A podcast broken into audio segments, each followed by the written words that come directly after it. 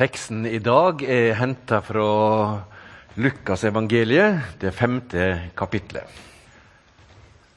En gang sto Jesus ned ved Genesaretsjøen, og folket trengte seg om han for å høre Guds ord.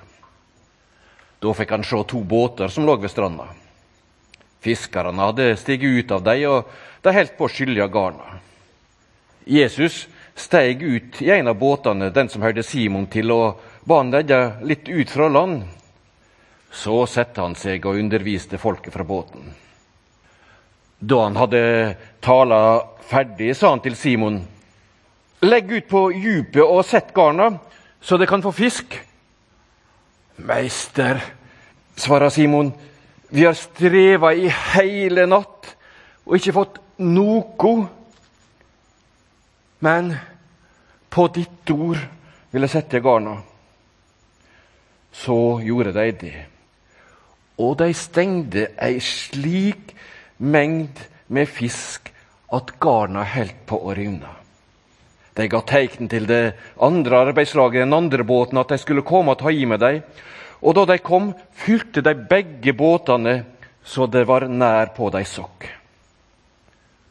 Da Simon Peter så det, kasta han seg ned for Jesu føtter og sa:" Gå fra meg, Herre, jeg er en syndig mann. For både han og alle som var med han, var fulle av otte og undring over fiskefangsten de hadde fått. Likeens var det med Jakob og Johannes, sønnene til Sebedeus, som fiska sammen med Simon. Men Jesus sa til Simon, Vær ikke redd. Heretter skal du fange mennesket. Så rodde de båtene i land, gikk fra alt og fulgte han. Slik lyder Herrens ord. Dra ut på dypet så du mere fisk kan få. Mektig lyder frelserbudet, vent ikke nå. Mesteren selv deg kaller til å stevne på. Legg da ut på dypet og la garnet gå. Venn, bli med, dra av sted, Herren selv deg kaller. Legg da ut, arbeid trutt inntil dagens slutt. Bli jeg trøtt og lei om du fisk ei fanger. Legg kun ut på større dyp i tro til Gud. Jeg kunne ikke dy meg. Den sangen hører med til barndommen min og Bård. Arild, som ikke er her i dag. Det er opprinnelig en sang fra Madagaskar som eh, faren min oversatte til norsk på slutten av 70-tallet. Den var på repertoaret når vi seks barna i alderen 5-16 år ble sendt ut i gassiske klær og var det store trekkplasteret på misjonsmøtet på Hedmarken. Og Det pågikk helt til et par av de eldste sa nå fikk det være nok familiekor. Men den sangen den har fulgt meg. 'Dra ut på dypet'. Jeg har hørt mange forkynnere, og nå gjør jeg det samme, som tar akkurat de ordene, som kanskje er en liten detalj i denne fortellingen, og så holder en tale over det. At Jesus sa til Peter, 'Legg ut på dypet'. Og Det kan godt hende det er litt drøyt å gjøre et stort teologisk poeng av det. Men fortellingen om Jesus de har det ved seg at uh, de har ofte en sånn dobbelthet. På overflaten så er det en enkel og likefram tolkning som barna forstår umiddelbart. og Dette er jo en av disse fortellingene som vi forteller på søndagsskolen, og som vi lærer tidlig. Og Den gjør inntrykk på alle nye generasjoner. Og så ligger det også dette andre under. Små, spennende hint gjennom hele teksten som kan lede oss til å finne overført betydning. Selv ned i små detaljer. Og Derfor er det å dra ut på dypet det er overskriften min i dag. Peters fiskefangst det er egentlig en eh, kallsfortelling. Og du ser det som en kallsfortelling, så klinger den nærmest i en tradisjon som vi ser allerede i Gamle testamentet, når Gud kaller mennesker. Husker dere kallelsen av Abraham i 1. Mosbok kapittel 12? Herren sa til Abraham Dra bort fra landet ditt og fra slekten din og fra farshuset ditt til det landet som jeg skal vise deg. Jeg vil gjøre deg til et stort folk. Jeg vil velsigne deg og gjøre navnet ditt stort. Du skal bli til velsignelse. Jesaja får også et lignende møte. Kommer tilbake til det. Om en liten stund så skal Peter forlate garnene sine og følge Jesus på en vanvittig reise gjennom tre år. Og Så dør Jesus og står opp igjen, og så blir det Peter som etter oppstandelsen og himmelfarten skal lede denne Jesusbevegelsen videre. Resten er historie, som det heter. Dra bort fra landet ditt, fikk Abraham høre. Dra ut på dypet, sier Jesus til Peter. Etterpå så må jo Peter ha skjønt at denne underlige fiskefangstopplevelsen det var egentlig en prøve. Jesus ber om tillit. Det er ikke småtteri. Tør du å følge meg uansett hva jeg sender deg ut på, Peter? Dette du skal gjøre for meg i dag, det koster egentlig veldig lite. Dette er bare en liten prøve. Det var jo ikke sånn at det å legge ut på dypet på Genesaretsjøen var noen stor sak for Peter. Snarere tvert imot. Peter kunne dette farvannet ut og inn. Dette var hans hjemmebane. Jesus var amatør. Snekker av utdanning. Og Det er jo litt av poenget her. For Peter så er det å snu båten igjen etter den lange natta uten å ha fått fisk Fordi Jesus sier han skal gjøre det, det er å begi seg ut på dypet i livet sitt. Hvorfor er det det? For det var å overgi seg til noe som var større enn han selv.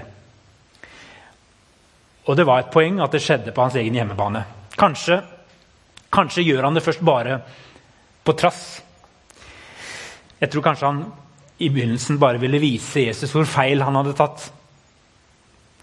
For å sette Jesus på plass. Og kanskje er det også fordi Peter og det ser vi flere ganger, er utstyrt med en herlig nysgjerrighet, og han vil prøve ut ting. Hvem er denne rare mannen? Men i The Chosen-versjonen av eh, denne fortellingen så så har filmskaperen gjort maksimalt ut av det lille øyeblikket der Peter møter Jesus etterpå. Jesus treffer Peter mens han er på sitt aller, aller mest sårbare. Legger dere merke til det? På et område hvor han egentlig skulle være sterk. Vi vet av teksten at Peter og de andre de har jobbet og slitt hele natten og ikke fått til noe. Og i The Chosen så har de også fantasert rundt om det ligger mer bak her. At kanskje ikke det bare var denne natten Peter ikke hadde fått fisk. Kanskje har det vært en god stund det har vært på den måten. Kanskje har han opparbeida seg gjeld. Og kanskje har han, som det er fristende å gjøre når man begynner å få det vanskelig livet, at han har begynt å ta noen shortcuts og prøvd å betale ned den gjelden på litt eh, utradisjonell vis. At det er en del av det som ligger til grunn når Jesus møter Peter her, og han faller på jorden og sier Vik fra meg, jeg er en syndig mann. Gå fra meg. Og Det var omtrent det samme profeten Jesaja sa i tempelet, i Jesaja kapittel 6, i det som er kallsfortellingen til Jesaja. Han møter Gud på en voldsom måte inn i tempelet, og hans umiddelbare reaksjon fordi Det var jo vanlig å være i tempelet og be, men denne dagen så får Jesaja et ekstremt syn der det plutselig går opp for ham hvem Gud egentlig er. Og Det er noe med møtet med den helligheten som gjør at Jesaja sier Vik fra meg, jeg er en syndig mann. Han bruker de samme ordene. Peter står i den samme tradisjonen med sin reaksjon. Og kanskje er det bare det kanskje er det bare det at, som kanskje noen av dere også har erfart, at noen ganger så ser dere plutselig Guds storhet. Erfarer Guds storhet. Kanskje da dere fikk et barn, f.eks. For, mange er det et møte med Guds hellighet og vi blir så ydmyke og små, og noen takker, og noen kjenner på en slags gudsfrykt. Og det er ikke den samme frykten som eh, Bibelen advarer mot. Menneskefrykt skal vi ikke ha. Så er en type frykt som hører til den gamle natur, som vi skal legge av oss. Vi skal ikke bekymre oss, vi skal ikke frykte. Men det er en type frykt som heter gudsfrykt, og den skal vi egentlig aldri legge bort. For den bereder grunnen for et rett forhold til Gud. At vi faktisk ser han som den han er, ydmyker oss, og så kan Gud, her representert ved Jesus, hans sønn, kan si, 'Vær ikke redd. Frykt ikke.'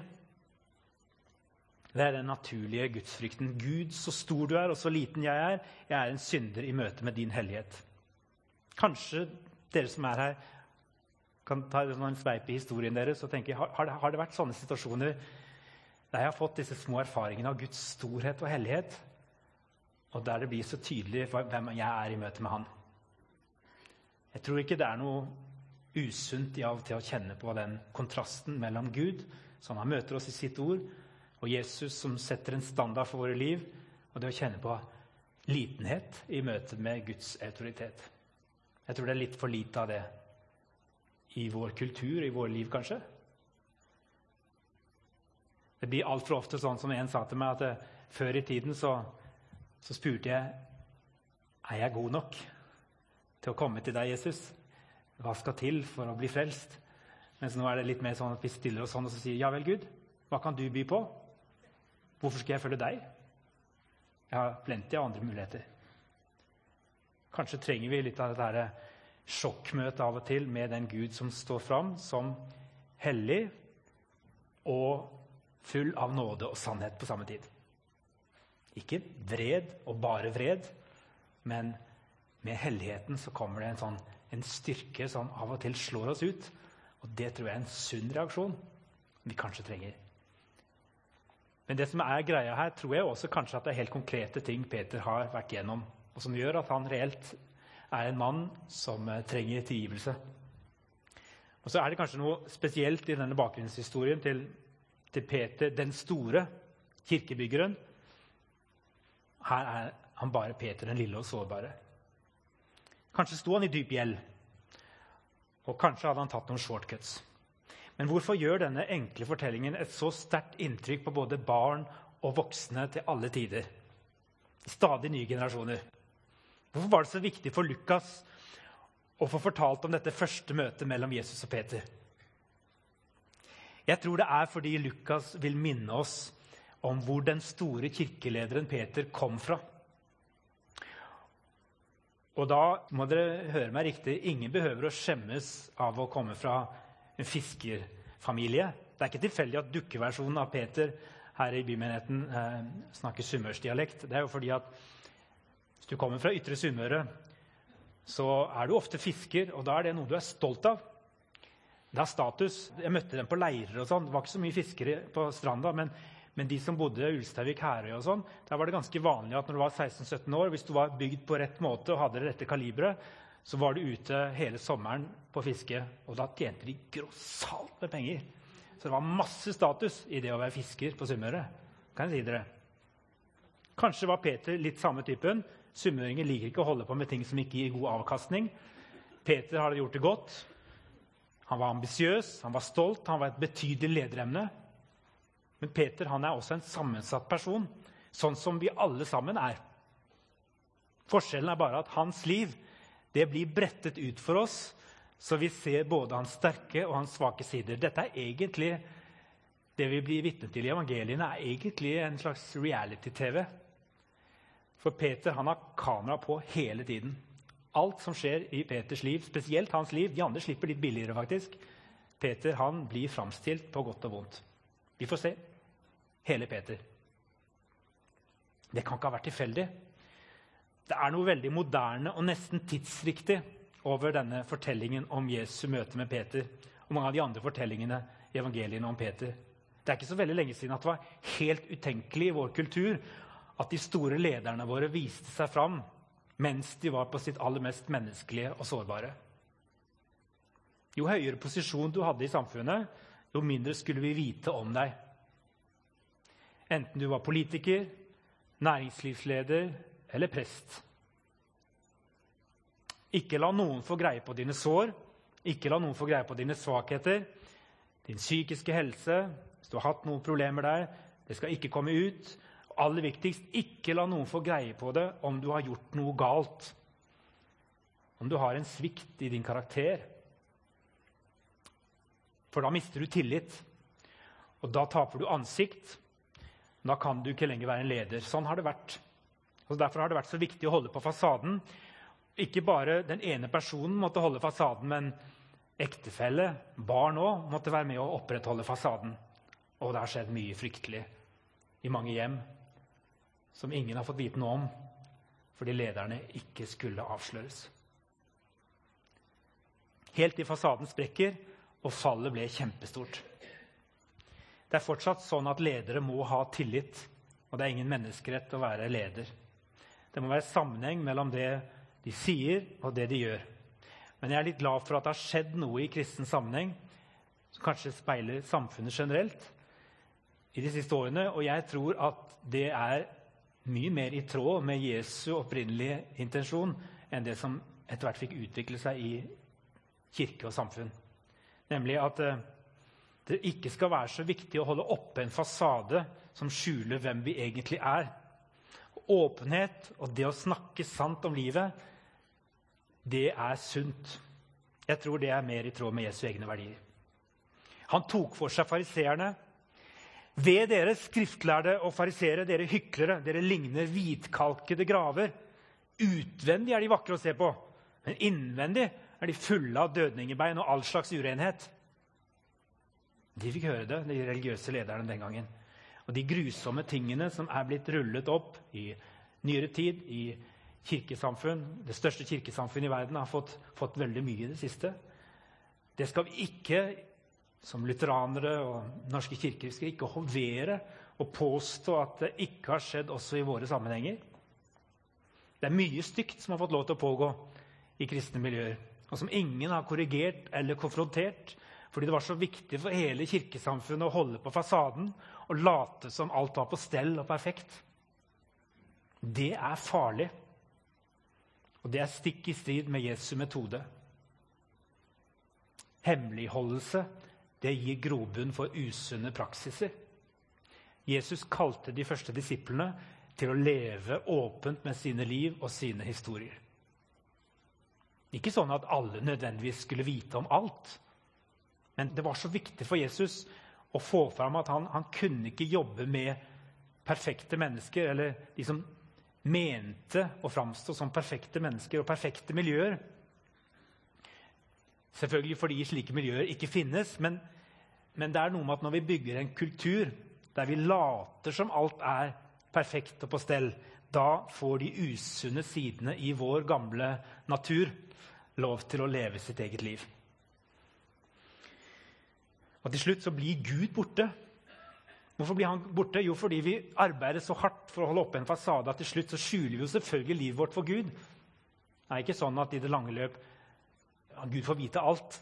Jeg tror Når vi, vi sakte, men sikkert jobber på å holde oppe en slags fasade, så, så skjuler vi oss også til slutt for Gud, og så blir Gud borte. Fordi alt handler om å holde oppe en ytre struktur som holder det egentlige livet skjult også for ham. Dra ut på dypet, sa Jesus til Peter. Akkurat da han var på sitt mest sårbare. Våg og smak på dypet i ditt eget liv, sier han til Peter. Akkurat der du er nå. Akkurat nå, når det som du er aller flinkest på og best på, framstår som din svakhet. Akkurat nå kaller jeg på deg. Ikke om to måneder, når du har rukket å komme deg på beina igjen og fått glattet litt over alt som hadde skjedd, fått gjort opp gjelda, fått vist all verden at du er verdens beste fisker, at dette som skjedde den siste tida, det var bare en parentes i historien. Nei, det er nå Jesus møter ham. For slike ledere, slike disipler som prøver desperat å framstå som perfekte, de kan Jesus ikke bruke. Jeg tror han sier, 'Jeg kan ikke bruke dere hvis dere ikke har bruk for meg'. Mange av oss har vært der, og når vi kjenner etter, så er det kanskje sånne erfaringer vi har gjort oss. Noen og enhver. Det er ikke sikkert du engang ser på deg sjøl som en leder, men jeg tror ikke det sitter det eneste igjen her i rommet som ikke er en leder. Som er en mor eller far eller en kollega. Det er noen som ser til dere, ser opp til dere. Har vi ikke erfart det egentlig, de fleste av oss, at det var når vi hadde mista kontrollen at Jesus egentlig fikk lov til å slippe til å arbeide med oss og gjennom oss. Jeg hadde nettopp en prat med en som jeg kjenner godt, som hører til blant de unge som har det ganske tøft i dagens samfunn. Selv om vi er så opptatt av å være åpne og transparente i dag, så setter vi også lista veldig høyt for oss sjøl. Og det er egentlig en dobbelthet som gjør det ganske krevende å være ung. En som ikke hadde erfart så mye av disse her grensene før, og som er vant til å få det til, vant til å fikse. Og det å jobbe seg gjennom den muligheten av at det kanskje ikke er så farlig om fasaden sprekker litt, og vi viser at vi kanskje ikke var så sterke på de områdene som vi var vant til å være sterke på. Vi trenger ikke noe sånn gammeldags vitnemøte nå her etterpå, der vi kappes om å komme opp og fortelle og brette ut alt som er galt i livet. Vi trenger ikke det. at, Jeg sier ikke at det er galt i seg sjøl, men veldig ofte så var jo denne typen vitnemøter på bedehusene egentlig bare en, en annen fordekt form for farisisme. Man kom opp og så sa man noen sånne fraser som man skulle si. For det hette seg jo at man var synder og var elendig og var svak. og alt Det der.